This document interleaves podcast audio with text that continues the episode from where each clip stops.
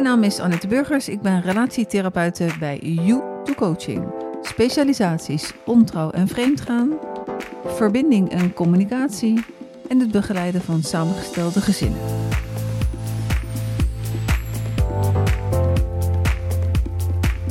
Zijn jullie er klaar voor? We zijn er helemaal ready voor. We zijn er klaar voor. Oké. Hi, wat leuk dat je luistert. Dit is Op zoek naar de liefde met een special. En vanavond zijn mijn gasten de familie Baumgart, Eugène en Samantha. Of spreek je Samantha uit? Samantha. Eugène en Samantha. Jullie hebben 13 kinderen en één kleinkind. Helemaal. Eugène, weet jij nog dat jij, ik weet niet wanneer dat was, maar dat je Sam- Samantha ontmoette? Ja, dat weet ik nog heel goed. Kan je het vertellen? Nou, ehm, het is een beetje, ja, het is heel, een, ja, hoe zou ik het zeggen? Ehm, eh, een, het, is een, het is een ongeluk bij, Geluk bij een ongeluk. Een ongeluk. een, een ongeluk, Een geluk eh, bij een, een, Ik hoop dat een, het... ongeluk, een geluk bij een ongeluk. een geluk bij een ongeluk. Ja, een, ehm, het is namelijk zo, eh, er is ooit een, eh, een vliegtuig neergestort in Suriname. Daar zat een, eh, dat is een heel triest verhaal. Eh, daar zat een heel goede vriend van mij. Eh, en ja. En toen die vliegtuig neergestort was, eh, nou, laten we zo beginnen. Ehm, ik, ik woonde bij een. toen ik pas in kwam, heb ik eerst bij mijn familie gewoond. Met mijn broer en mijn zusters. En daarna wou ik mijn zus ook de ruimte geven. haar privacy ben ik, naar, ben ik verhuisd naar. eh, de- in de Belmer. Daar woonde een vriend van mij die ik eh, als broers mee omging in Suriname. Ehm, nou, op een gegeven moment heb ik, had ik hem gebeld. Ik zei, hij wist dat ik hier was, dus ik had hem gebeld en ik zeg nou ja, ik wil mijn eh, zus de ruimte geven, dat ze ook de privacy hebben. Dus dan, hij zegt ja, hij heeft niet eens geaarzeld. Dat komt bij mij, ik woon alleen in de Bijlmer. Toen dacht ik, oké. Eh, dan heb ik met mijn zus een gesprek met haar gehad. Toen zei ze, oké, dat vind ik wel een goed plan. Dan ben ik, naar, eh, ben ik verhuisd naar Amsterdam. En ehm, ja, toen eh, ging het ging- Ja, ik, ben, ik woonde bij hem daar en op een gegeven moment eh, heeft hij mij een hele veel plaats in, in Amsterdam gebracht om al overal een beetje te, eh, te- om ov- overal een beetje te zijn en, en bepaalde plaats te, te, leren kennen. En op een gegeven moment we door een stamcafé. En dat is de Draver in Amsterdam. Eh toen heeft hij me daar gebracht en daar waren ook eh, oude buurt, buurtvrienden van mij daar zo. En op een gegeven moment eh, ja, hadden ze besloten om naar eh, Suriname te gaan. Met alle voetballers en eh, muzikanten. En hij was ook eh, een van de, ja, een van de muzikanten. Ja, hoe zou ik het zeggen? Hij was een vriend en een muzikant ook daar. Was hij van hun ook. Dus eh, hadden ze besloten om naar Suriname te gaan. Nou, eh, toen kwam het zover en eh, we gingen naar eh, Amsterdam in de Albert Kuip om, ja, om zeg maar spullen te kopen om mee naar Suriname te nemen, mee te nemen. En oké, eh, om het lang uh, kort te houden, hebben we de spullen gehaald en toen zijn we teruggekomen. En we hadden een gesprek daar in, eh, in, eh, in, eh, op de Albert Kuip. Want ja, het lijkt als ik dat hij niet weg moest. Dus eh hebben we een paar woordenwisseling gehad. Oké, op, op, op een gegeven moment hebben we het wel goed rechtgetrokken. En zijn we weer naar huis gekomen. Op een gegeven moment moest ik hem weer terug naar Schiphol brengen. En van daaruit is, is hij vertrokken naar Suriname. En eh, die dag ben ik weer naar huis gegaan. En s morgens stond ik op. En eh, ik deed de televisie aan. En ik kwam erachter dat die vliegtuig neergestort was. In, uh, in Suriname, Paramaribo op Zanderij. Ja, het was een, ja, het was een dramatische gebeurtenis voor mij ook. Want ik woonde met hem in het huis. En ja, als je zo hoort, als je zo dat er zoiets gebeurd is, dan, uh, ja, dan was, het, uh, het bij me aangekomen. Ja, um, op een gegeven moment um, gingen we weer naar die...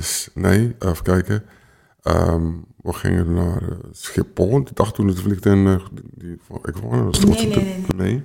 Het was de Hij dag. was al, hij was al neergestort. Dus Het vliegtuig was al neergestort en toen gingen we naar, naar Schiphol. En daar, daar kwamen al die eh, vrienden en die, eh, de familieleden. Een herdenking of En, een nou, samenkomst. Nou, ze wouden, eh, ja, Nee, sommigen gingen weg omdat ze hun familieleden daar. Ja. eh, sommigen gingen eh, terug naar Suriname. om- Omdat hun ja, familie wa- wa- waren omgekomen. Dus eh, ik kwam Eugène daar tegen. ja, En eh, wat hij niet wist, is dat ik eigenlijk een soort van een relatie aan het opbouwen was met zijn beste vriend. En eh, het was niks seksueels of zo, maar we waren wel Bevriend in ieder geval. vriend en verliefd op elkaar. En hij had tegen mij gezegd van, eh, ik ga met vakantie naar Suriname. En als ik terugkom, dan eh, gaan we een huisje, boompje, beestje gaan we samen creëren. En eh Eugène had wel opgevangen dat hij met mij aan het bellen was, maar hij wist niet dat ik het was. Nou ja, in ieder geval, eh, op een gegeven moment kwamen we bij de Dravenstamcafé. En daar stond Eugène weer, want ik had hem op Schiphol ook al gezien. En ehm, nou, ik raakte met hem aan de praat. En ik vond hem wel interessant gewoon om mee te praten. Omdat hij, zeg maar, we konden delen, de gevoelens delen, zeg maar. En ehm, ja, eigenlijk van eh, op dat moment kwamen we elkaar vaker tegen. En hij vroeg mij een paar maanden later, vroeg hij me een keer van... eh, wat doe je hier in Amsterdam? Want ik liep in de Belmar. En ik zei, ja, ik slaap bij mijn tante. En toen eh, zei hij, ja, ik heb net gekookt, maar ik ben iets vergeten. En heb je zin om vanavond bij me te komen eten? Nou, en toen eh, ben ik bij hem gaan eten. En eigenlijk ben ik nooit meer weggegaan. Zo, Ja. wauw. Een heel gek sprookje. Ja, en, en, en, eh, en, en ik, ik snap wat je zegt, hè. Een, eh, een geluk bij, eh, bij een groot ongeluk. ja. En ik zag allemaal een Samantha dat ze van, ja, dat ze van eten houden. Dus ik dacht, nou, dan ga ik lekker voor koken. En, Je had eh, al gekookt. Ja, ik, had- Nou, een ik, ingrediënt vergeten. ja, ik, was, ik was eigenlijk wat ver- eh, vergeten om, eh, een, een ingrediënt was ik vergeten om bij te Een halen. pepertje. Een pepertje, je weet het nog. Ja, dat is een pepertje. Het was een pepertje en een beetje bouillon bij. Ja, Ja, dan, toen zag ik daar, ik dacht, nou kom maar bij me eten. Ja. En eh, ja, ik kook altijd veel. Ik, kom, ik hou altijd rekening mee als iemand langskomt, kan je altijd wat eten. En Ja. dus, eh, Hij had voor drie dagen gekookt, Ja, dus ik ik, had ben de eerste drie dagen niet meer weggegaan. Drie dagen hetzelfde, maar dat maakt er niet uit. nee, Eugène, wat, wat, vond je, eh, wat vond je leuk aan Samantha? nou, wat ik leuk aan Samantha vond, eh, ehm, haar uitstraling. Het was een, leuke vrouw, heel leuk met mij. En eh, daar werd ik blij om. Alleen om haar Ze te maakte je vrolijk. Ze maakte me helemaal ze maakte me echt vrolijk. En eh, ja, haar karakter ook was gewoon wat ik echt eh mij blij maakte. En eh, ja, en we spraken veel die dag toen ze thuis kwam. En ja, Ja, maar hij- jij was ook geen prater.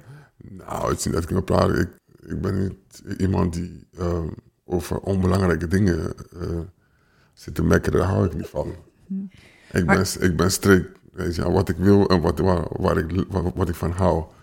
En dat vind ik belangrijk. En wat erbij komt, ja. Maar het mooie is, ik weet niet, jullie zitten natuurlijk tegenover mij en naast elkaar. Maar ik zie echt nog de pretlichtjes en het mooie van de herinnering van Ja. toen jullie elkaar ontmoeten. Dat klopt. Dat, Ja, dat we- ziet er echt heel liefdevol uit. Ja, we lachen er ook nog om. Ja. En De kinderen die vragen het ook vaker hoor, van eh, hoe zit dat nou? Dus iedere keer als we eraan terugdenken, dan, dan is het alsof we het gisteren hebben beleefd. Samantha, wat, wat sprak jou gelijk aan in Eugène? Want je was natuurlijk verdrietig. Ja, Ik was verdrietig, maar gewoon ja, wat me bij Eugène aansprak was gewoon zijn de rust die hij uitstraalt. Ik ben heel eh, druk eigenlijk. Ik ben drukker dan hij. Ik klets veel meer. Maar hij bracht een soort van rust over me heen. En we hebben samen natuurlijk heel veel gerouwd om het verlies van eh Salig Romeo, heette die. Ehm, en ehm, ja, dat, het, het is alsof hij ons samen heeft gebracht. Daar leek het eigenlijk op. Ja, hè? klopt. Ja, dus, dus ik vind, eh, ja, bij Eugène is een, zware stem. Nu is het niet zo zwaar meer, maar toen was het echt zo, Ja, een hele zware stem. omdat je het vaker hoort. Ja. Ja, Na 33 jaar hoor je het dan. Dan, dan voel je die bas niet zo echt meer. Maar- Ik denk dat de luisteraars nog wel een vrij zware stem horen. Ja, ik denk het ook. Nee, maar zijn charisma, eh, zijn uitstraling, maar gewoon zijn hart. Want hij ja, is een hele lieve man. Dus en daar, daar viel mijn hart op, op voor, zeg maar. Ja, En, en wat is dan de definitie van liefde voor jou, Samantha? de definitie van liefde voor mij ja, is eigenlijk alles samen delen. ehm, over alles bespreekbaar maken. En eh, hoe moeilijk iets ook is. Want kijk, we zijn natuurlijk wel 33 jaar getrouwd. Maar eh, ieder huisje heeft zijn kruisje. En iedere la- relatie ehm, is, is toch, je moet ervoor knokken. En dat is bij ons ook zo. Knokken gewoon voor elkaar. Eh, en dat is, ik denk dat dat eigenlijk, eh, ja, eh, liefde omschrijft eigenlijk alles voor mij. Dat is gewoon eerlijkheid naar elkaar toe, alles bespreekbaar maken, ehm, boos op elkaar kunnen worden en het ook weer uit kunnen spreken. Ehm, ja, onvoorwaardelijke liefde. Mhm. Wat heb jij, ik kan eh, als je in een relatie zit, dan leer je ook dingen van elkaar. Wat heb jij van Eugène geleerd? Wat ik van Eugène heb geleerd, ja, is toch ehm, ja, eh, de rust. De rust, zeg maar, eh, te vinden in, in heel veel dingen. Ehm, ja, dat, dat kan niet anders dan bij Eugène, dat je gewoon je rust bewaart en bewaakt. Ehm, meer liefde geven en eh, de man leren begrijpen. Want eh, wij vrouwen zijn altijd, we hebben altijd wel wat te zeggen over een man. Mhm. Vooral in de zwarte cultuur is het zo, in de Surinaamse cultuur. En ehm, vrouwen hebben vaak trauma's, maar mannen hebben die ook.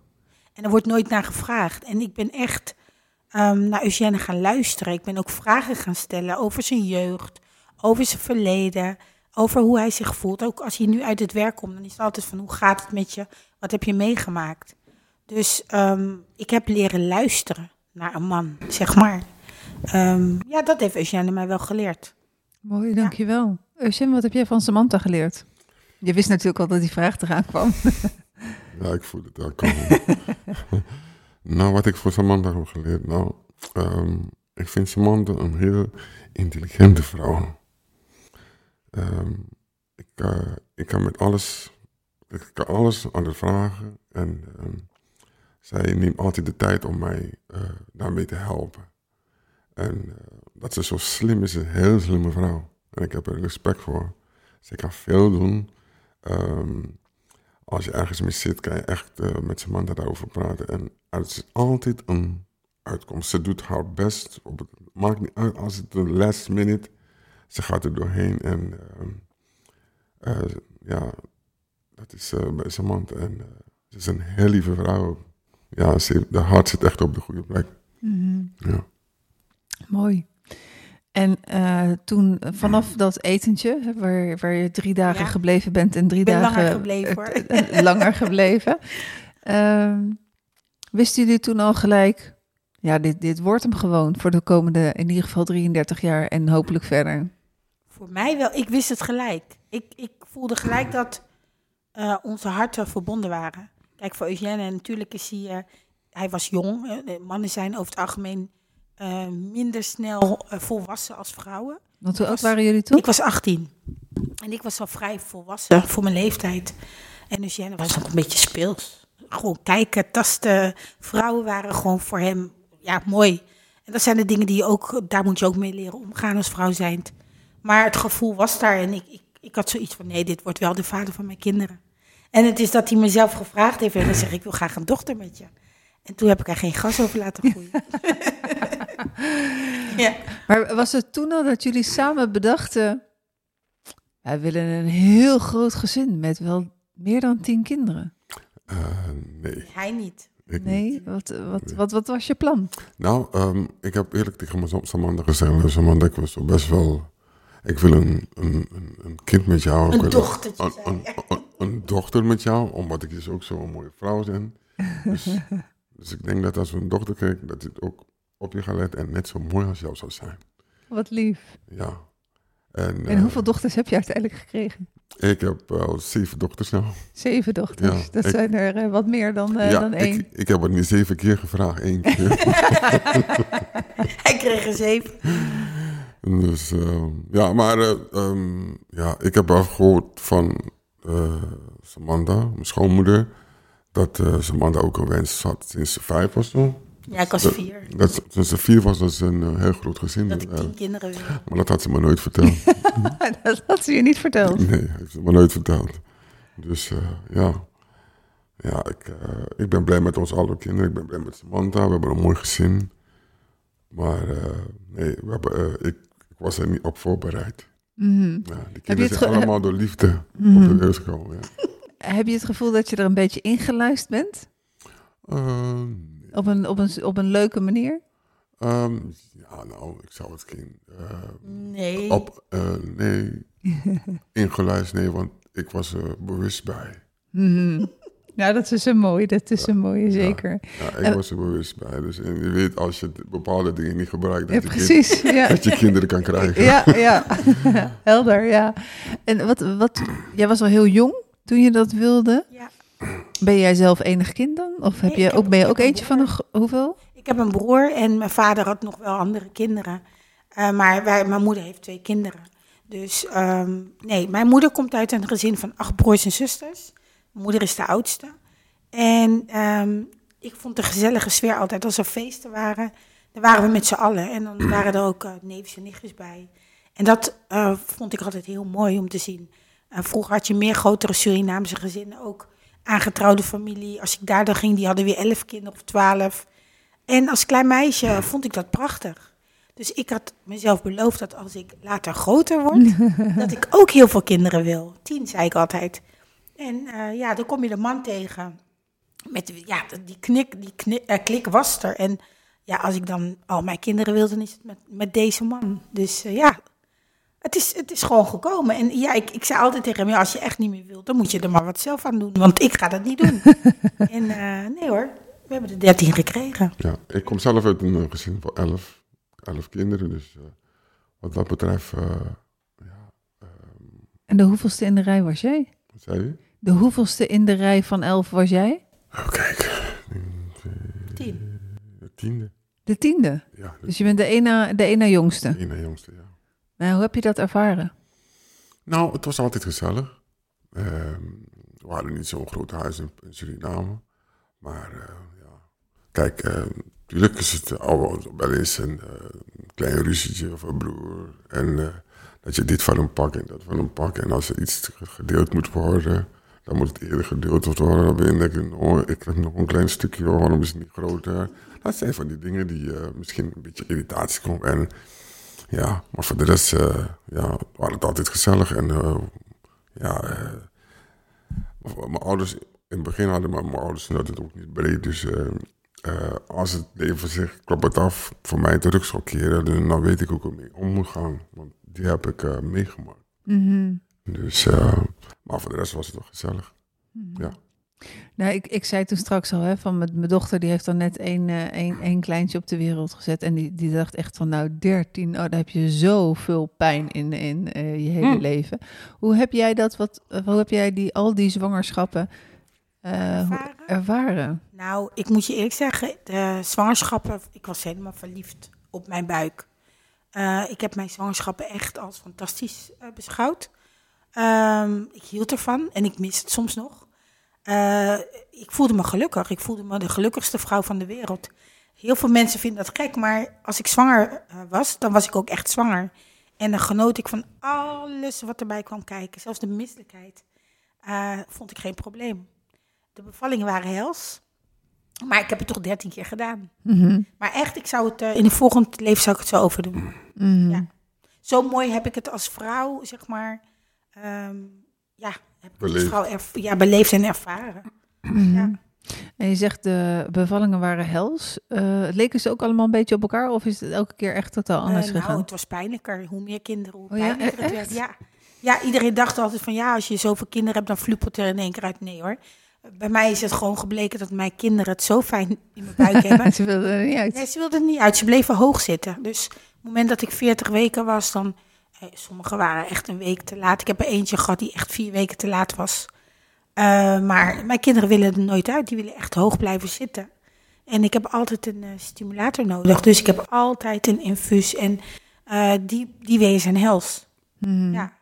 Maar echt, ik, ja, ik, ik hou van mijn kinderen. En ik, ik, ik heb ervan genoten.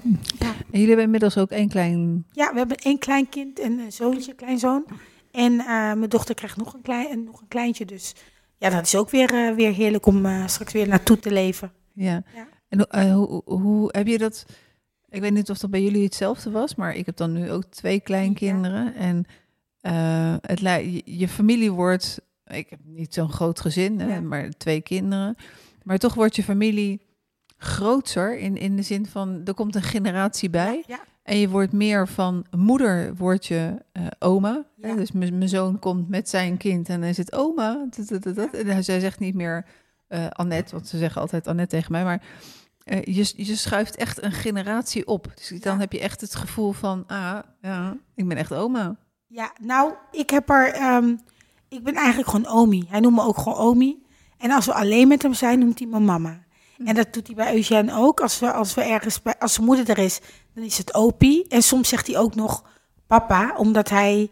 Ja, hij heeft tot zijn 2,5 heeft hij bij ons thuis gewoond met zijn moeder. En eh, we hebben hem toen echt gezien als ons eigen kind. Het kan ook Mhm. niet anders. Nu zien we hem ook als ons eigen kind. Alleen eh, Nu- nu, nu mijn dochter weer ja. mee naar huis. Maar ik moet zeggen dat ehm, ik heb er geen probleem mee om, eh, om oma te zijn. Want ik, ik voel me gewoon jong en oma is maar een naam. Eh, maar ik zie het wel. Ik, ja, ik, vind het, ik ben er trots op. En, Mhm. eh, ik ook hoor. ja, toch? Het is het mooiste wat er is. Zeker. Het is niet zo dat ik meer van mijn kleinkind hou dan van mijn eigen kinderen. Want heel veel mensen zeggen van ja, als je een kleinkind hebt, dan hou je meer van dat kind dan je eigen. Dat is niet zo. Het- De verantwoordelijkheid is gewoon verlegd. Maar het is, ja, ik vind het fantastisch. Mhm. Ja. Ik, ik, ik heb veel eh, cliënten en ik merk dat, ehm, dat, en het zijn dan vaak ook samengestelde gezinnen, eh, dat men het lastig vindt om, eh, om de tijd voor elkaar te vinden. Want men, men vindt ook vaak van ja, we lijken wel een, een bedrijf rondom de kinderen. Die, die moet daarheen gebracht worden, die moet daar vandaan gehaald worden. Die moet zo laat naar bed, dan ben je hartstikke moe. Eh, dan plof je op de bank neer en dan kijk je samen naar Netflix en eh, verder kakken we een beetje in. Ja. Eh, en dat gaat dan allemaal ten koste van de intimiteit en de seksualiteit. Hoe hebben jullie het voor elkaar gekregen met zoveel kinderen om de liefde die uit jullie ogen straalt, Ja. om die vast te houden en om die intimiteit en die seksualiteit te laten stromen, ondanks het grote gezin? Eugène? Nou, bij mij ehm, is iets dat ik altijd heb gezegd. Ik werk zeven dagen per week. En dat bedoel ik daarmee, mijn eigen werk. Eh, natuurlijk vier of vijf, vier dagen in de week. En eh, ehm, de rest van de week dan zit ik met mijn kinderen. Eh, nou, s- ja, vrijdag ben ik vrij, school brengen, ophalen. Onze kinderen hebben altijd in, ehm, zeg maar, ze hebben altijd eh, s- aan sport gezeten, altijd een activiteit. En ehm, ja, en da- daarom zei ik dat ik zeven dagen per week breng. En dus dan, ik bracht ze altijd ophalen, brengen. Ehm, en ja, s'avonds als je thuis komt, dan, eh, oké, ik ga niet zeggen, misschien ben je wel een beetje moe. Maar ehm, toch probeer ik toch eh, eh, een beetje tijd ook voor ons eigen privéleven. Stop ik ook een beetje tijd erin. En dan, eh, meestal als we de kinderen in bed hebben gelegd, en dan eh, gewoon, ga ik ze mee en dan kluffen we elkaar. En zo delen we het, eh, gaan we, hebben de dag volgemaakt. Maar dat ik mijn kinderen vaak dingen met mijn kinderen moet doen, dat is een keuze wat ik zelf heb gemaakt. Omdat ik echt- een vader wil zijn voor mijn kinderen. En dat ben ik ook. Ik, ik, ik verzorg ze, ik pro- probeer ze toch overal hun zin te geven en, naar hun activiteit te brengen en weer naar huis toe om. En dus dan is mijn dag vol. En dan het, wordt de tijd dat over is en dan delen we het samen. Hmm. Kun je me aanvullen? Ja, ehm, eigenlijk, we geven het ook aan. Ik bedoel, eh, ook al heb je kinderen, wil niet zeggen dat je jezelf moet wegcijferen. Wij zijn ook mensen, met het bloed stroomt door onze aderen. En eh, we houden allebei van seks. Dus dan moet je gewoon een, tijd, een moment vinden dat je dat kan doen als je er behoefte aan hebt. Kijk, je hebt ook soms dat je twee of drie weken gewoon eh, even geen behoefte hebt. Maar eh, dan is die knuffel er wel. En dan op het moment na die drie weken, dan is het wel echt wel goed. Dan is het gewoon, wow. Dan heb je al die spanningen opgebouwd en bewaard tot dat moment. Dus, maar wij zijn echt wel mensen die gewoon eh, het momentje vinden. Als de kinderen aan het slapen zijn of ze zijn misschien even weg. eh, dat we gewoon die tijd eh, echt wel nemen. Of we pikken een hotel of wat dan ook. Dus die, die romantiek is er gewoon Ja, nog. sowieso. En, en eh, ja, Ook s'avonds als de kinderen gaan slapen, ja, dan, dan hebben we elkaar ook. dat blijft gewoon. Ja, Ja. Ik, ik, ik ga bij de instelling, ja, de, kind- de kinderen worden groter. En eh, ja, het is net wat ik nu heb. Een paar zijn uit de deur, zes de deur uit, toch? Ja, Ja. maar weet je wat het ook is? En een kleine van tien. En ja, de kinderen gaan op tijd naar bed. En ja, we hebben ons momenten dat we het... eh, Ja, maar wij maken ook seks, eh, seksualiteit maken we bespreekbaar thuis. Kinderen weten ook gewoon dat je bent geboren door seks te hebben. En zij weten ook wel als papa en mama misschien aan het knuffelen zijn. Zeggen ze, ja, jullie gaan zeker straks... eh, de, of, of ja, we gaan wakker blijven om te kijken, om te luisteren wat er gebeurt. Dus kinderen weten wel dat hun ouders intimiteit hebben. Natuurlijk maken we er geintjes over, maar ze weten het gewoon. En ja, ze komen niet onze kamer in als we seks bedrijven in de nacht. Dat, dat, dat gebeurt gewoon niet. Maar De deur is gewoon dicht. de deur is gewoon dicht. ja, en we Ja. pakken onze momentjes. Of de televisie harder uit uh, harder zitten. Die de radio aan. is er echt wel zeker hoor. Zeker weten. Ja, is dat een afspraak geweest? Want eh, ik denk dat bijna elk koppel eh, wat, wat aan kinderen begint, zich wel bewust is van, ja, we hebben ook nog tijd samen nodig. Maar ergens wordt dat vergeten. Dus wat maakt nou dat, dat jullie, want, jullie zien er ook gewoon nog verliefd uit. Ja. Wat maakt dat jullie dit, dit, is dat een afspraak geweest? Of gaat dat inderdaad helemaal vanzelf, vanzelf door die verliefdheid? Nee, het is gewoon vanzelf. Kijk, we maken alles bespreekbaar. Als ik geen behoefte heb en hij wel, dan, dan moet je toch een compromis sluiten. En we maken het bespreekbaar. Of, of als hij geen zin heeft, want dat gebeurt ook wel eens hoor. Ja? Dat ik gewoon behoefte heb en dat hij gewoon niet wil. Dus dan, dan, is het, dan zegt hij ook, ja, maar vandaag ben ik wel erg moe. Morgen. dus dan verheug ik me op morgen. En dan gebeurt het de Dan volgende het dag ook echt. Ja. En dan is het nog beter dan, eh, dan normaal. Dus, maar we, we bespreken dat gewoon. En eh, ja, als je dat niet doet in een relatie, praten over je gevoelens, dan, dan lukt het gewoon niet. En eh, ik zeg altijd, ja, we zijn ouders, we hebben kinderen, maar we hoeven onszelf niet weg te cijferen. Want dat, dat gebeurt in vele relaties, dat je inderdaad ziet van, hé, hey, ja, ik ga hem naar hockey brengen en dan doe jij maar naar paardrijden. En dan plof je samen op de bank en dan heb je geen tijd meer voor elkaar. En dat is iets wat wij juist niet, eh, niet doen. Wij, wij, eh, ja, het is belangrijk voor ons om gewoon gesprekken aan te gaan. En ook over je gevoelens te praten.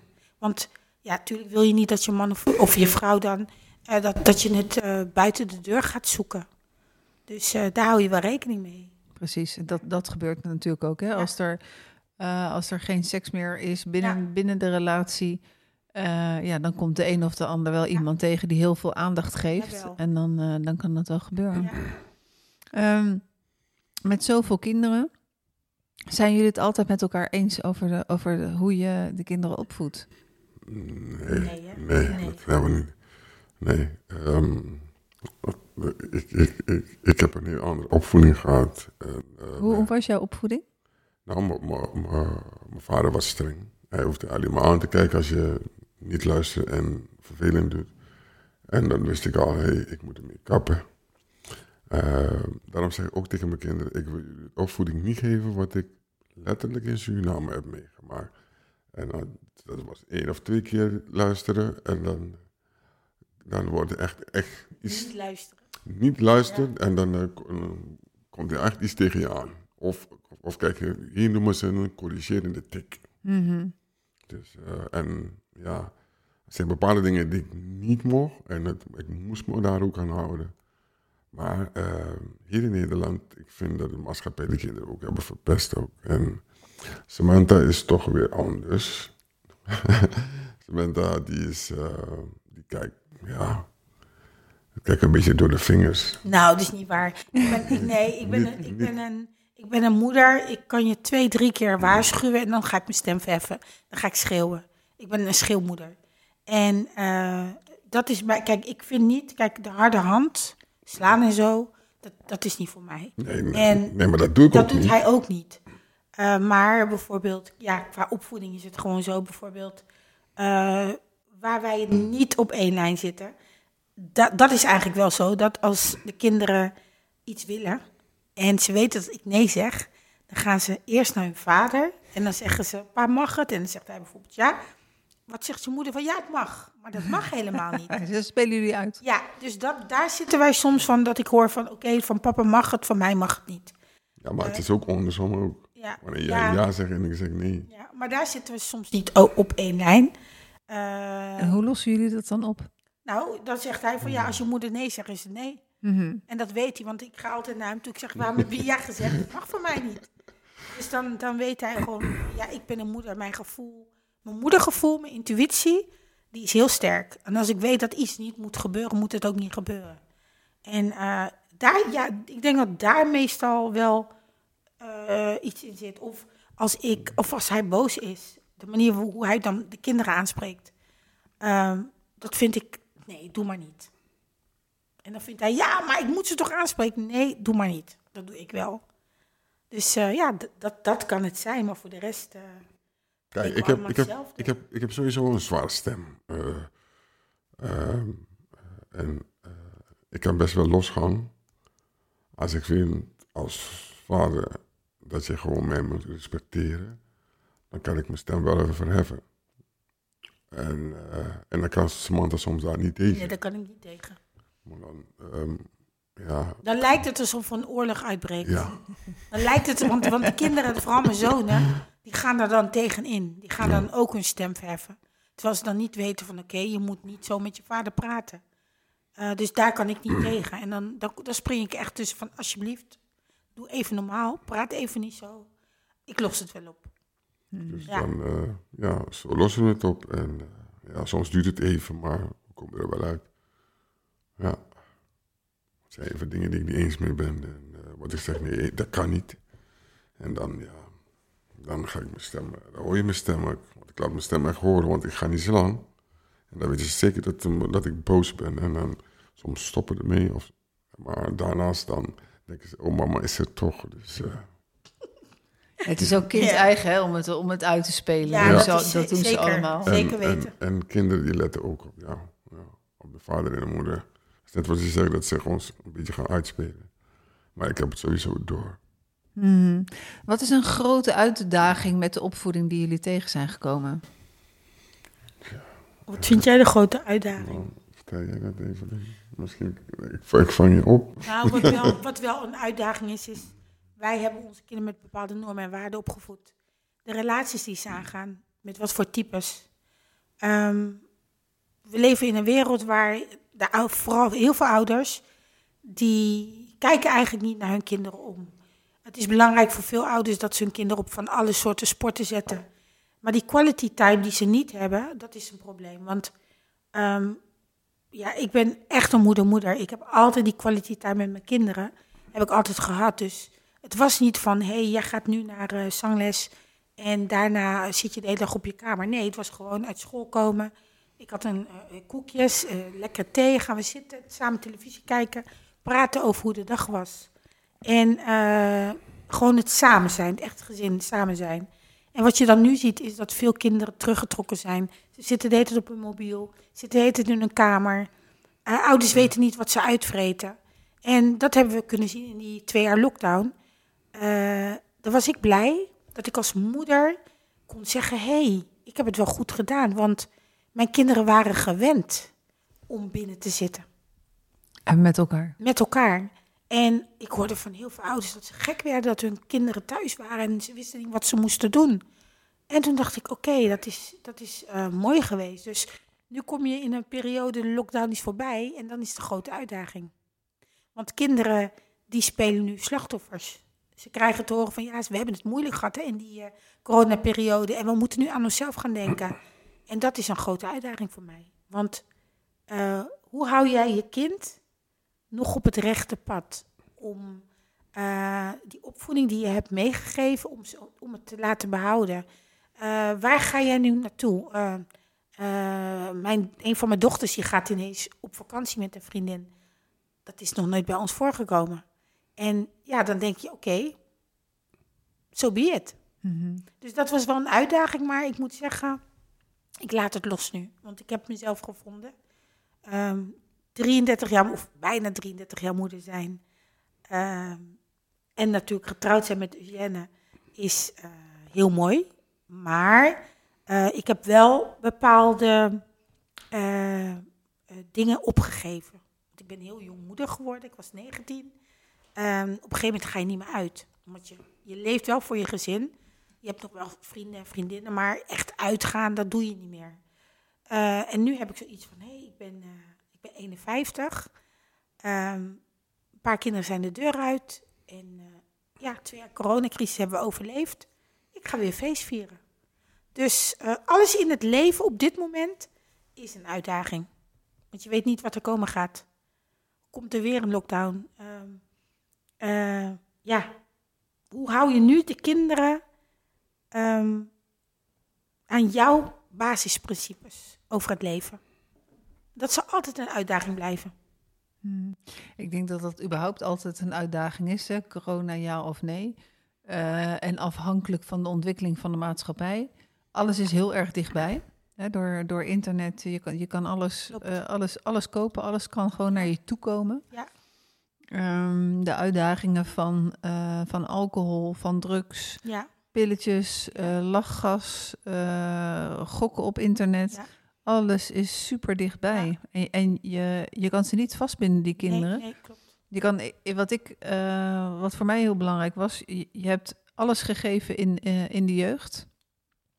En op een gegeven moment kan je het niet meer beïnvloeden. Nee, klopt. Is het inderdaad loslaten ja. en, ver, en, vertrouwen op de basis die je ze hebt meegegeven. Ja, maar het is heel, heel moeilijk voor mij soms eh, dat jij als moeder, omdat ik een bepaalde ervaring in mijn eigen jeugd heb, dan wil je dat je kind het niet hetzelfde meemaakt als wat je als ouder hebt meegemaakt. En dan maken ze de verkeerde keuzes terwijl je ze gewaarschuwd hebt.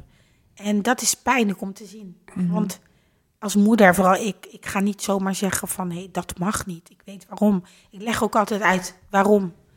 Um, gelukkig is een van de voordelen die wij hebben dat onze kinderen niet roken, niet verslaafd zijn, niet in de criminaliteit zitten. Dus daarom heb ik ook genoegen met het feit van hé, hey, we hebben het toch goed gedaan als ouders. Nou, zeker met, ja. met zo'n aantal. Ja. En, uh, ja. Zeker, zeker. Uh, jij zei net iets met wat ik mee heb gemaakt in, in mijn jeugd. Wil je dat delen of wil je dat Ja, niet? nee, kijk, wij hebben. Ik, ik, had, ik heb een broer natuurlijk. Ehm, maar ja, mijn moeder was bezig met carrière maken. Eh, ik kom uit een familie waar ze carrière maken. En ehm, ik, mijn broer, ja, mijn moeder hield van voetbal. Dus als dochter heb je bepaalde. eh, je wil een bepaalde band met je moeder hebben. En die band was er niet. En dat is best wel lastig, want uh, ik heb mezelf beloofd, als ik dochters krijg of zonen, dan wil ik die band hebben die ik niet heb gehad met mijn moeder. Ik wil gewoon uh, niet alleen moeder zijn, maar ook gewoon mijn vriendin. Dus mijn dochter, hey, kom, we gaan naar de stad, we gaan leuke dingen doen.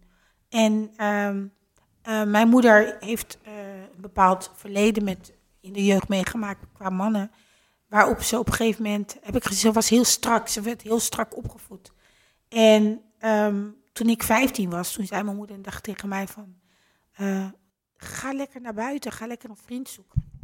En ik zou dat nooit doen. Ik zou nooit tegen mijn dochter zeggen, je bent 15, ga maar een vriend zoeken. Nee, ik heb mijn dochter gezegd van luister, zorg maar dat je je diploma's haalt, dat je eerst voor jezelf kan zorgen.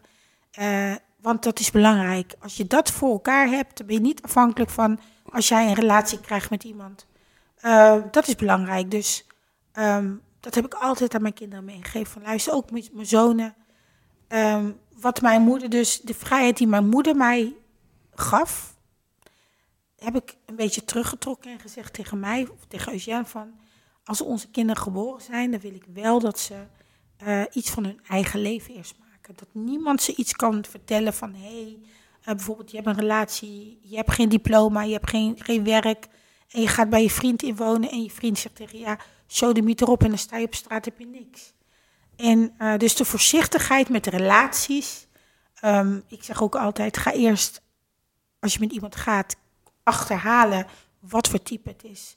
Want er zijn zoveel narcisten op de wereld tegenwoordig. En uh, voor je het weet, zit je in een, in een, in een kippenhok. Een tox toxische ja, relatie. Ja.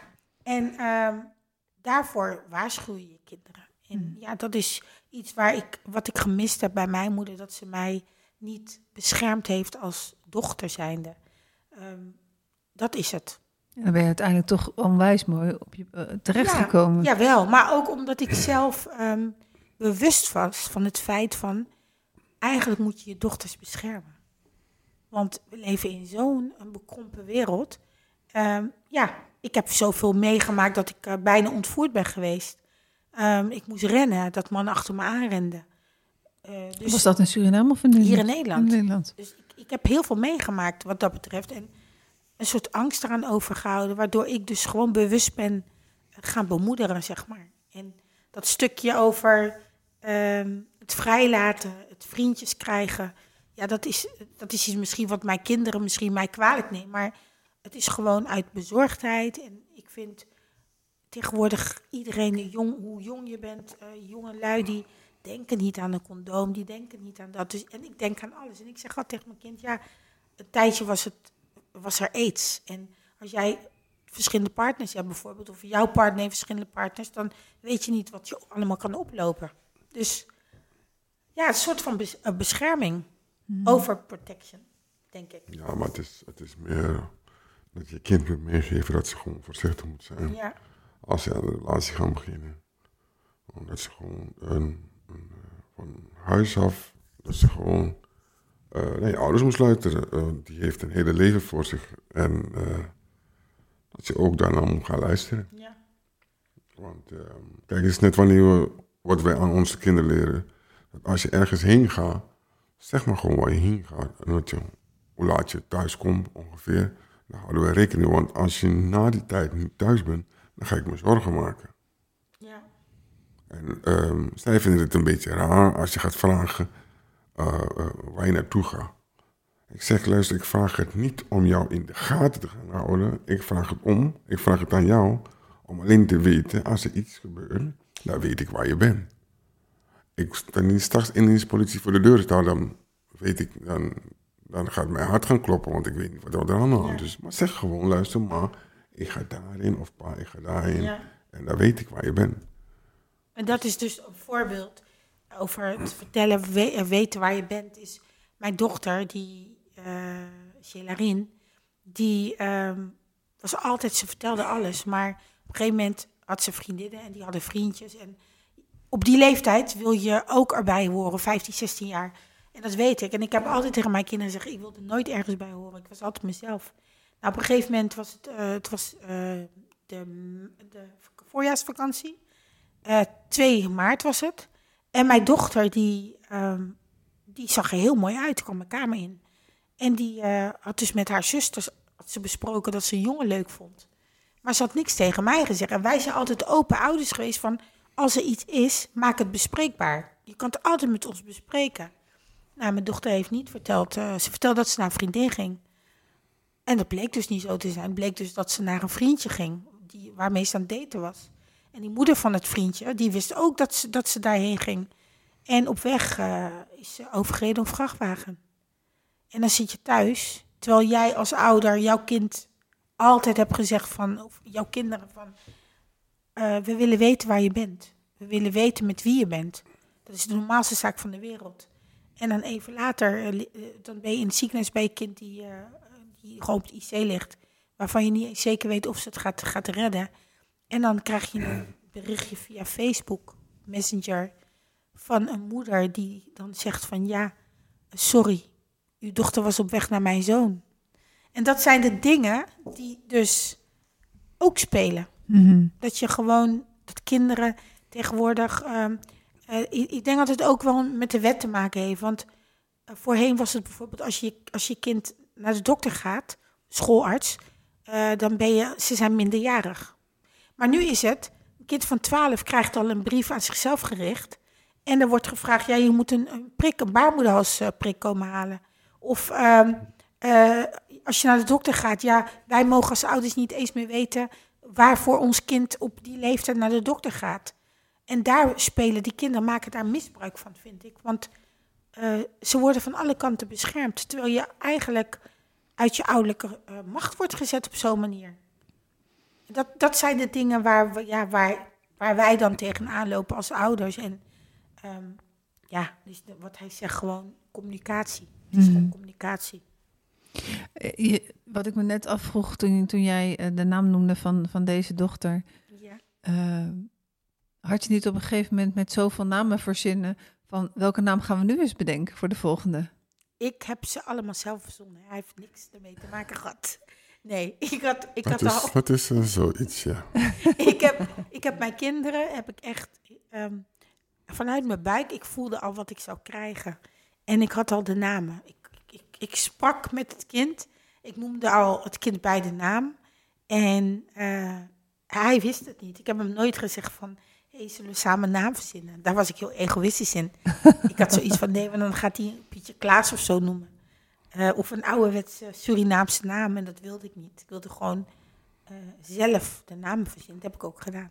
Heel egoïstisch misschien, maar Ja, en eh, ik moest het kind, eh, ons eigen kind, aangeven bij het stadhuis. Toen moest, het nog, moest je nog echt persoonlijk naar het stadhuis gaan. En eh, als onze kind geboren was, dan kreeg ik een briefje voor mijn neus geschoven. Eugène, kijk, Dit is de naam. dit, dit is de naam. dit zijn de namen. Dit Wat zijn er de niet namen. Nee, het was er niet één. Dat zijn de namen, vier, eh, vijf namen achter elkaar voor één kind. en ik dacht aan mezelf aan, is dit Europees, Europea- eh, Europees. Europees of heb je dat zomaar eh, verzonnen of zo? Ja, nou, dan krijg ik dit papiertje met die namen erop. Dan kom ik daar zo bij het stadhuis en eh, ik moet mijn kind aangeven. En die vrouw, of de meneer die daar zegt, hoe heet je kind? Sommige van die namen kon ik niet eens normaal lezen. Je kon het wel uitspreken. Nou, ik, kon, nou, ik kon het wel lezen, maar ik kon het niet goed uitspreken, laat maar zo zeggen. Want het was een zo ingewikkelde naam. Maar goed. ehm, dan kom je daar en zegt die meneer tegen je of de vrouw, ja. Ik zeg, kijk, dit zijn die namen van mijn dochter. En soms komt die persoon niet uit. En dan moest ik het zelf gaan lezen en voor die persoon spellen. Op een gegeven moment eh, kenden ze je wel. Op ge- ja, op een gegeven moment. Heb ze je me, ja. weer. Dus ehm, ja, dat was het. eh. dus dus dat is goed dat je het zelf zegt, dat je zelf een beetje egoïstisch was. Dus dat, dat klopt ook wel een beetje. Maar ja, ehm, ik heb al twee of drie kinderen namen van mijn ouders gegeven. Zij vonden het een beetje egoïst. Uh, zij, vonden het een beetje ouderwets, laat maar zo zeggen. Ehm, want mijn- ja, mijn vader heet Ludwig en mijn moeder is uh, Maar ik heb bewust, bewust onze jongste zoon heb ik de naam Ludwig in Ja, verwerkt. dus eh, zij vonden het een beetje ouderwetse naam. Dus, eh, maar wat is het probleem is soms, als ik maar één van de kinderen moet noemen, de meeste kinderen beginnen met S, eh, Ja, S, SH. S, S, H, A en Y en weet ik nog veel. Dan komen die, die namen, die komen zo een beetje overeen. En als je één van de kinderen moet noemen, dan noem je het eerst het hele rijtje, voordat je het, de naam van het kind noemt, wat je eigenlijk nodig hebt of wat je wil. Ja, dat is, dat is, dat, daar kan ik me wat bij voorstellen. Ja. Jullie worden denk ik ook behoorlijk verrast door de kinderen, hè, dus eh, waar ze heen gaan. Ehm, ik, ik heb echt niet ehm, alle afleveringen gezien van, eh, van jullie. Eh, maar ik zag een klein stukje van een, van een verrassing met een tatoeage. Ja, dat klopt.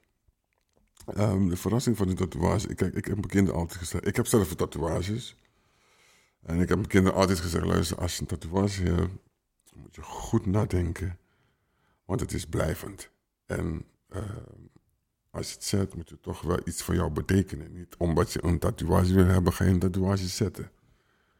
Dat zou echt jammer zijn. En ehm kijk, Sherilyn heeft ook een tatoeage gezet. Uh, ze, is, ze was ballerina, maar nu kan ze niet meer door het ongeluk. Heeft ze een, een, eh, een, ballerina eh, bij haar zij, de linker of rechterkant van, heeft ze inderdaad laten tatoeëren. Oké, Het heeft een betekenis. het heeft een betekenis. Dus dat kon ik me best wel voorstellen. Maar eh, Chantal die had ineens eh, een nep tattoo gezet in de nek. En gaan we mezelf, hè? Hoe kan je nou een één? Je bent sowieso een violist. Eh, dat is toch een beetje, ja, een beetje elite instrument die je speelt. En die gaat je zo niet zo blootgeven aan een heel grote tatoeage in je nek. Dus bij haar had ik het echt niet verwacht. Maar het was gewoon nep. Dus ik, dacht, ik ging, ja, ik was boos. Ik was heel erg boos, ja, want ik had ook met haar En gesproken. teleurgesteld, denk ik. Bloos en teleurgesteld, ja. Dus ik had er ook gezegd, Samantha, neem niet zomaar een tatoeage. Het moet echt iets voor jezelf betekenen. Maar ja, helaas was het toch een... eh, het was toch nep, dus ik ben er toch erin getrapt. Beter zo erin getrapt dan dat het inderdaad eh, een echte echt tattoo was. was, toch? Ja. Ja. Ehm, ik hoor dat zij een eh, muziekinstrument speelt. Nou weet ik van, eh, van de ander die, die zingt. Ehm, zit er wat, een talent voor muziek en, en dans? eh, van wie hebben ze dat? Zit, zit er dat in de Van familie? beide. Ik heb vroeger gezongen. En eh, eigenlijk ben ik wel heel muzikaal. Ik heb alleen geen instrument bespeeld. Maar ik zou het zo kunnen. Eugène, die, die speelt, bespeelt het djembe. En eh, ja, ik denk, en hij heeft vroeger gebasketbald. Dus je ziet eigenlijk ook bij mij... ik heb vroeger ook gedanst, ook gesport. Je ziet wel de talenten van, die wij hebben... zie je wel bij onze kinderen terug. Het verschil is wel dat wij geen ouders hadden die eigenlijk ehm, ons daarbij hielpen of stimuleerden. Maar wij die rol weer ook weer hebben overgenomen van hé, hey, we willen het niet zo doen als onze ouders. Dus Hele bewuste keuzes bewuste gemaakt. keuzes van. ehm, kijk, sowieso ben ik een moeder van. Ik kijk naar ieder kind vanaf het moment dat mijn baby's geboren zijn. Is echt vanaf dag één. Dan ging ik al 1, 2, 3, 4, 5 tellen. Om, om te kijken naar die, die oogjes, hoe, hoe het volgt. En mijn kinderen konden heel vroeg tellen, bijvoorbeeld. Eh, dus ook met talentontwikkeling, het ontwikkelen van. eh, het kijken naar je kind en het observeren van je kind, kan je gewoon zien wat voor talent een kind heeft. En dat, daar heb ik zeg maar op ingespeeld. En ja, hij heeft dat ook gezien en hij is daarbij blijven steunen. Dus ehm, ja, de kinderen hebben onze talenten wel echt wel, eh, Ja. echt wel meegekregen. Welk kind lijkt het meest qua karakter op Samantha, volgens jou? Dat is een heel goede vraag. Ehm, qua karakter. Nou ja. Nou ja. Het, Ehm, ik weet wel dat ehm, bepaalde van de kinderen. Ze lijken allemaal bijna op je moeder. Maar dus eh Chantal lijkt heel sterk op Samantha. Maar qua karakter. Qua, ja, maar qua karakter, ja. Nee. Ik denk wel dat mijn dochters het temperament hebben van mij. Temperamentvol zijn. Celarine heeft mijn temperament wel. E- eigenlijk Chantal ook. Ze hebben eigenlijk mijn tem- temperament allemaal. Ja. Ja, maar toch. Maar karakter is het, ja, ik ben heel erg, eh, ik ben duister. Nee, ik heb, ik heb, ik ben, eh, sommigen noemen dat, mijn, mijn kinderen zeggen altijd, je hebt mood swings. Ik zeg, nee, dat zijn geen mood swings. Ehm, ik ben een vrouw, ik ben ehm hypersensitive noemen ze dat. Mhm. Ehm, ik ben twee maanden te vroeg geboren. Dus ik heb al iets extra's. Dat, dat heb ik zo ervaren ook vanaf baby. Ehm, als ik. Als er, op, als er iets gebeurt, een vrolijk iets of een negatief iets, ik reageer daar gelijk op. Dus als ik aan het lachen ben en iemand doet iets stoms daar, dan ben ik aan het lachen. Maar ik word ook weer gelijk boos op die persoon die iets stoms doet. Of als ik eh, een verhaal vertel waar ik heel emotioneel in ben, eh, dan kan ik, of ik word boos, dan ben ik boos. En eh, hoor ik daar een verhaal van iemand anders wat lollig is, dan ga ik gelijk mee in dat verhaal. En dan zeggen ze altijd, ja, je hebt moedswings. Ik zeg, nee, ik zeg geen moedswings. Het is zoals ik ben. Ik kan me gewoon verplaatsen in heel veel dingen tegelijk. Dus als je dan vraagt welk Ja, maar- kind mijn karakter heeft, of meer mijn eigenschappen, dan denk ik niet dat, dat ze dat. eh, nee. En welk kind lijkt het meest op, eh, op de vader? Qua karakter lijkt. eh, nou, ik moet eerlijk zeggen, mijn zoon Lezerie. Eigenlijk, Tyrese, er- de rustheid die hij uitstraalt en die hij heeft, heel chill, layback. Eh, als er iets gebeurt, heel relaxed. Niet, niet opwinden of paniek raken zoals ik doe. Dat hebben wel de meeste zonen van mij. Die hebben de, de, de rust hebben zij van hem. Terwijl mijn dochters best wel, die zijn Ja. best wel druk. Ja, die zijn met jou. Ja, ja, ja. begint- Dat, dat, begint dat gelijk te schreeuwen. Ja, ja. Ja, weet je, kijk, als, als er eentje druk is in het huis, dan moet er eentje de rust brengen. En ik breng de rust.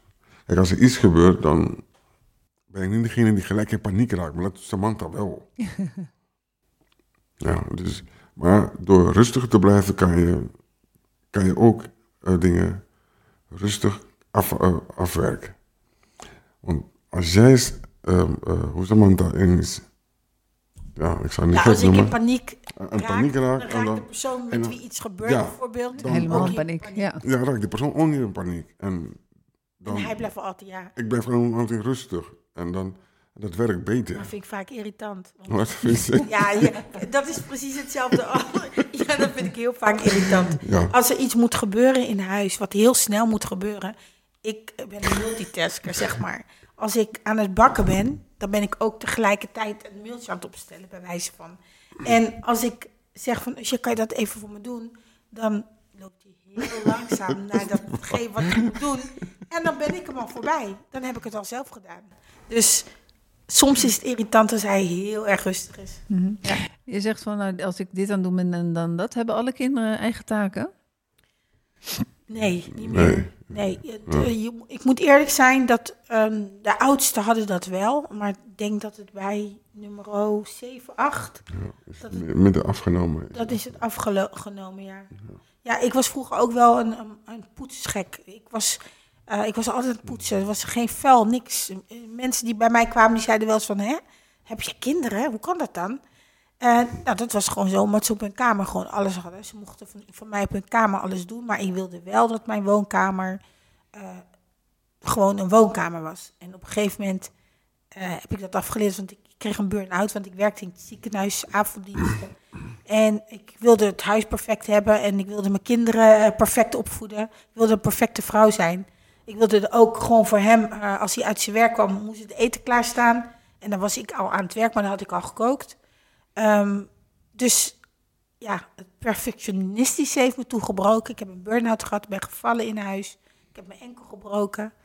En eh, daardoor, sindsdien, is het ook wel dat ik zie van... hé, hey, ik kon niks doen, maar mijn kinderen deden ook niks. Dus ik heb de boel de boel gelaten. En ehm, ja, daar zie je gewoon aan dat de kinderen... ehm, zo ijverig dat ze waren, zo ijverig zijn ze nu echt niet meer. Nee, het- ik denk dat eh, de, de maatschappij is zodanig ingesteld op mobiele phones... dat de kinderen vergeten dat er taken zijn. Ze- En je hoort vaak, ja, jij wilde toch moeder worden... dus dan moet jij het maar doen. Dus ja, dat soort dingen. Ja. En eh, inmiddels eh, hebben jullie een, een zoveelste serie op tv. Hoe zijn jullie ooit bij de tv terechtgekomen?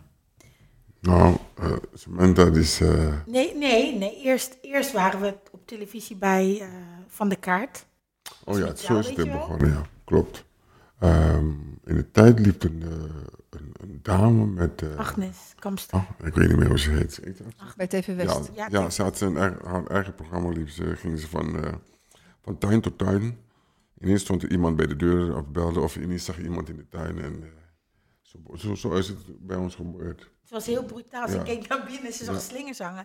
En wij hadden een jaar de slingerzanger. Want wij, vroeger als we een feestje hadden, liep gewoon heel het jaar de slingerzanger. Want er Ja, dat moest zo vaak? Ja, moesten ze opgehangen worden. Ja, ja. Dus zij kwam binnen en zij vroeg erom. En nou, dat was onze eerste echte... Ja, daarvoor was ik wel met, met school, met zang, was ik wel op televisie. Maar eh, dat was echt onze eerste, omdat we toen al eh, best wel veel kinderen hadden. Eh, het jaar daarna kwam Man oh Man. Ja, toen heb ik mee Paul de gedaan. Leeuw? Met, eh, was eh, bij Hans Kraai junior, die had Ja. een programma. Je moest een act doen bij eh 200 vrouwen, zaten ze allemaal aan tafel. En dan eh, gaf ze een paar punten. En daarna achter was er een zwembad. En wie het laagste punt hadden, die werd in het water geduwd. Ja. En dat was, eh, Dat was in 1997. ja, dat was Bridget Maasland. Die, Bridget Maasland. Mrs. Maasland, die, eh, die stond met kleine rokjes en nog een paar andere. Dat heb je onthouden. Ja, ja, dat weet ik. Ik, Ja. zie, dat, ik, Nee, maar, maar ik, dat zie was... dat, ik zie er nog dagelijks bij eh eh, RTL Boulevard. ja. Ja. Ja, Maar dus, wat, wat, wat, wat het ook was, we hadden toen ook al best wel veel kinderen. Want Toen hadden we lezer, hadden we er vijf. ja. En toen we er vier hadden, toen waren we bij Paul de Leeuw. Want ze, god, ze zochten grotere gezinnen. En iemand van het consultatiebureau had gezegd, ja, daar woont een jong gezin. En die hebben al vier kinderen. Dus toen eh, kwam die mevrouw bij ons praten. En toen kwamen we bij Paul de Leeuw, bij Kinderen voor Kinderen. Die bestond toen 15 jaar. En toen gingen ze een liedje zingen over, eh, over, over grote tieten, volgens mij. Ja. was het titellied. en eh, we hebben een interview gegeven. En nou, 1997, toen kwam 19... Nou, mijn dochters ging toen met X-Factor meedoen en met de Hollands Got Talent. Ja, die talentenshow. Ja, talentenshows. En naarmate we ook vertelden, onze kinderen vertelden dan, we komen uit een groot gezin. kwam er ineens een producent van, eh, van een huis vol en die benaderde ons. Dat ze graag een pilot met ons zouden willen nemen. Nou, van de een kwam het ander. Hebben eh, zeven seizoenen hebben we meegedraaid. En eh, vier jaar niks. Vier jaar lang wilden we een eigen serie. Eh, ik ben hard gaan knokken ervoor. En eh, eerst was het helemaal niks. En de, producent met wie ik samenwerkte, die, eh, eh, die is blijven gaan. Ook omdat ik aan het pushen was. En uiteindelijk is het eh, TLC geworden na vier jaar. Dus eh, ja, ik ben super trots. En eh, ja, we hebben een mooie serie eh, neergezet. En Ja. komt er een vervolg? Ze willen wel natuurlijk een vervolg. We, ja, we kunnen nu nog niks eh, definitief zeggen, maar het zou wel gek lopen als, er, als je één seizoen maakt en je komt er in tweede. Want de kijkcijfers zijn goed. Dus ze zijn ietsje meer dan 100.000 kijkers eh, met uitgesteld kijken erbij. Want dat is, ja, internet kijken is, is heel anders via een ja. platform. Mhm. Maar we scoren heel goed. Dus eh, ja, En wat betekent dat als je in Den Haag over straat loopt, dan word je herkend? We worden overal herkend. Ja? Overal, niet Ja. alleen in Ja, zeker als je natuurlijk met dat hele grote gezin komt. Jawel, nee, maar ook als... eh, het, het sterk vandaag had ik het nog. Mensen horen onze stem. Dus ze hoeven ons niet eens te zien. Als ze mijn stem horen of die van hem... hey, dat klinkt bekend in de oren. Dan draaien ze zich om. Oh, zie je wel, jullie zijn het. Dus eh, ja, het is, het is bijzonder. Heel bijzonder. We gaan een beetje naar de, naar de afronding toe. Ik wil nog even terug naar eh, de tips voor, eh, voor gezinnen. Hoe, wat jullie allemaal meegemaakt hebben. Ik heb al de tip gehoord eh, van goed communiceren met elkaar. Dat is het En- allerbelangrijkste. En, en zorgen dat er echt quality time voor samen is. Ja, ja, Is ook in feite bewezen. Hè, van, eh, ze hebben onderzoek gedaan naar wat maakt een, een koppel, een stel, een goed stel. Dat betekent een half uur quality time per dag. Hè, echt contact hebben en een dagdeel per week. Maar dat is voor sommige mensen echt ook super moeilijk met, eh, met, met gezinnen. Ja. Eh, maar ik hoor jullie wel zeggen van nou, eh, ondanks moeheid... en het kan wel eens een keer voorkomen dat, dat het niet gebeurd is... maar dat jullie echt je best hebben gedaan van als de Jawel. kinderen naar bed waren... om, Ja. om dat half uur samen te pakken. Ja, maar wat ook heel belangrijk is, daar had ik het met hem over, daar praten we heel veel over. Ehm, je bent in een relatie en eh, een gevoel kan je niet uitschakelen. Het kan wel eens een keer voorkomen dat je iemand voorbij ziet gaan waarvoor je een bepaald gevoel krijgt. En ook daar moet je over kunnen praten. Want een, een relatie is hard werken, is hard knokken. En je kan altijd gevoelens krijgen voor iemand anders. Maar hoe ga je ermee om? Dat is de vraag. Dus maar dat, dat heeft ook te maken met communicatie. Ik bedoel, hij is een man, ik ben een vrouw. En een man ziet vaker een lekker ding voorbij gaan en heeft de fantasie erbij. Maar een vrouw heeft die ook. Dus eh, ja, het is communicatie. Ja, het is mooi dat je dat aanstipt. Want ehm, nou, ik maak meer podcasts ook over ontrouw en over gescheiden en over geen seks, wat nu. Eh, en eh, dat moment exact, hè, van je je ziet iemand voorbij komen Ja. en je merkt aan jezelf van hé, hey, ik, ik vind dat best wel leuk als diegene die langskomt Ja. naar mij kijkt. Ja, Dat is exact het moment om het thuis te bespreken. Eh, want dat betekent ook dat je iets mist in de relatie. ja, En als je merkt van hé, hey, maar ik, ik merk dat ik de aandacht van die persoon dat dat fijn vind, ja, want ik mis iets. ja, Als je het dan op dat moment bespreekt, Ja. dan kan je eraan gaan werken met z'n tweeën. Van oké, hoe kunnen we hier samen mee, mee omgaan? Maar als je net die stap zet naar buiten, ja, dan ga je een pad alleen op en je laat de ander in onwetendheid achter. ja, klopt. En maar heel veel mensen vinden het super ingewikkeld om, eh, om die goede gesprekken te voeren. Nee, maar je moet over praten. Mhm. Dat doen wij ook. Kijk, in het begin eh, eh, vond hij het heel gek dat ik daarover sprak. Maar ik, ik heb gewoon gezegd van luister, ehm, ik, dat komt ook door die coronacrisis hoor. Dan ga je echt bij jezelf naar binnen. In die twee jaar tijd, ik weet niet of, hoe hij dat zo ervaren heeft. Maar ik heb hem gezegd, ik ben echt bij mezelf naar binnen gegaan. En je hebt zo lang een relatie samen, maar mis jij niet wel, eens wat? Wat je, dat, dat je denkt van, hé, hey, ik krijg wel alles, maar mis je niet iets bij een ander dat je het zou willen uitproberen bijvoorbeeld? Eh, die gesprekken voeren we gewoon. En ik vind dat de normaalste eh, zaak van de wereld. Want nogmaals, je kan getrouwd zijn, je kan een relatie van twee weken hebben of van tien jaar. Een gevoel is een gevoel. En een gevoel moet je over kunnen praten. En wat je doet met handelen of zo, ja, dat, dat is aan jou. Maar je moet met elkaar communiceren. Ik vind het een hele mooie. Heb jij er nog een? Een tip? Ja, ik sta volledig achter Samantha, maar eh, kijk, eh, als man, eh, ik word zo vaak op straat, zoals man, als vrouw, word ik, krijg ik knipoogjes, soms word ik ook versierd. Maar ja, het is bedoeld, het is net wat ze zeggen, hoe je ermee omgaat. Ehm, eh, de, de, uitdaging op straat kan wel groot zijn, ja. Want eh, het is jong en oud. En als ik zeg, eh, die je benadert of naar je kijkt.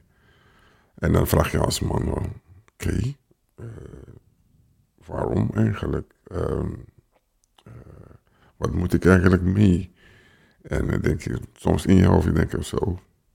Eh, ik, voel me, eh, ik ben nog steeds aantrekkelijk voor de vrouw op straat of jonger dan je eigen vrouw zelf. Maar het is wat je ermee doet. En eh, daar praten we vaker over. Ja. Ook gewoon de gesprekken van... Ja. Hé hey, Eus, wat zou jij doen als ik een keertje vreemd zou gaan of zo? Wat zou je dan doen? Ja, moment bepaald, zegt hij dan. Nee, ik wil echt weten, wat zou jij doen als ik dat zou doen? Want ja, het zijn, het zijn die, die kunnen gebeuren. Ik, kijk, en ik zeg ook vaak tegen hem, van als je dat verhaal over Marco Borsato bijvoorbeeld hoort, dat hij zoveel vrouwen heeft gehad, dat hij vreemd is gegaan.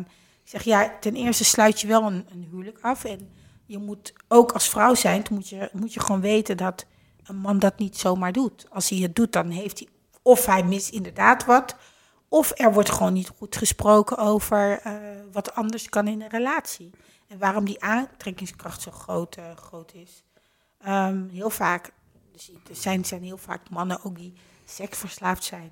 En dat wordt, daar wordt ook niet over gesproken. En in onze relatie praten we over echt alles. En als hij het niet wil, dan ben ik wel degene die een onderwerp aansnijdt. Ja, dat is we zijn heel open met elkaar. We praten echt over van alles. Ja, Kijk, in, in, in alle relaties zal het niet zo zijn. Kijk, eh, als bij sommige relaties denk ik, als die man of een vrouw over dit soort onderwerpen dan ja, kan zeggen, nou, ik wil het niet meer horen, klaar, is uit tussen ons. Omdat ze niet over willen praten. ja. Of dan horen ze het gekrompen in van binnen en dan kan ze het niet kwijt. En dan kan het zijn dat ze de verkeerde kant op gaan. Maar we hebben het wel eens over de midlife crisis. We hebben het vaker over de midlife cri- crisis bij mannen dan vrouwen. En ook ik zit wel eens in, een, in die crisis. En hij heeft dat ook gehad.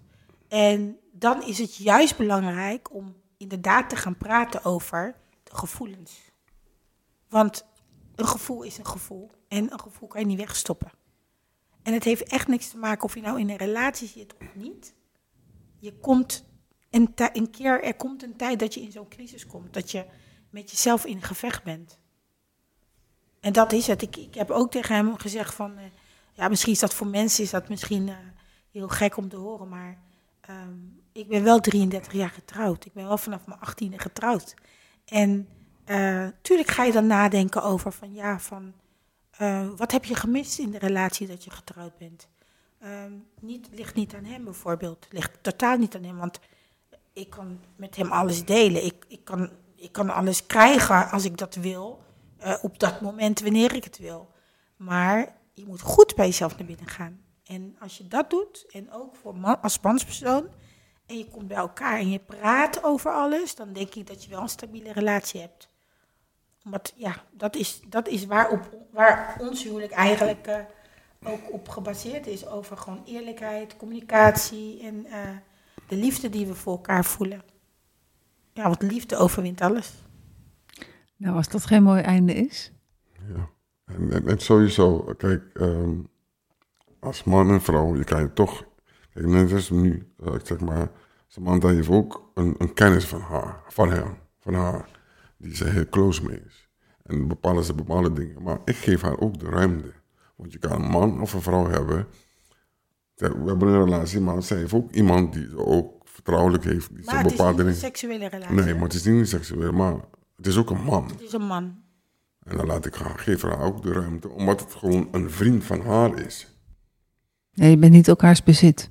Ja, Nee, maar ik, ik ben, kijk, sowieso ben ik een vrouwspersoon die meer een band met mannen heeft. Mannen voelen zich comfortabel met mij, omdat ik het praat ook beter. Eh, vrouwen zijn meer van, ja, het is altijd wel praten over die of die of die. Maar ik ben iemand, ik ga altijd diepgaande gesprekken aan. Ik hou ervan. Ik ben, eh, ja, ik, ik kan heel goed luisteren naar mannen, omdat ik weet, omdat ik de man heb bestudeerd.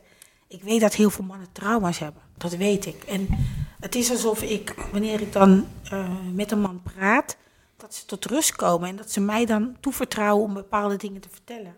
En uh, dat weet Eugène van mij. En ik zou, als ik, als ik bijvoorbeeld iets ga eten met iemand, dan is het gewoon van, hij weet waar ik ben. Hij weet waar hij niet meer kan bellen. Hij weet precies waar ik ben. En het heeft niks met seks te maken. Het is echt puur van um, het vertrouwen die in elkaar hebt. En het elkaar gunnen. Ja. Gunnen van de Ja, vriendschap. dat is het. Ja. Maar ik gun het veel minder hem als hij met een vrouw wat gaat drinken of eten. Daar moet nog wat ook te leren zijn. Hè? ja, daarom. Nee, nee, maar het is, het is uh, ja. We, we, weten wat we aan elkaar hebben.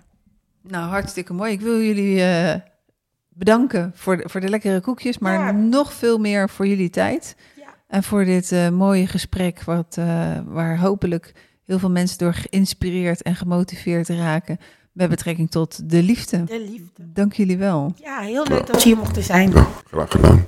Ook aan de luisteraars bedankt. Dankjewel voor het luisteren. Dit was een special, een hele exclusieve special met de familie Baumgaard. Uh, er zijn nog veel meer podcasts te beluisteren via mijn website www.youtubecoaching.nl en YouTube schrijf je met J-U-T-T-U over vele onderwerpen zoals bijvoorbeeld geen seks, wat nu? Ontrouw, wat nu? Gescheiden, wat nu? Samengestelde gezinnen. Alles wat met relatie te maken heeft, want dit is de podcast met 100% aandacht voor intimiteit, seksualiteit en jouw relatie in de liefde. Dank jullie wel.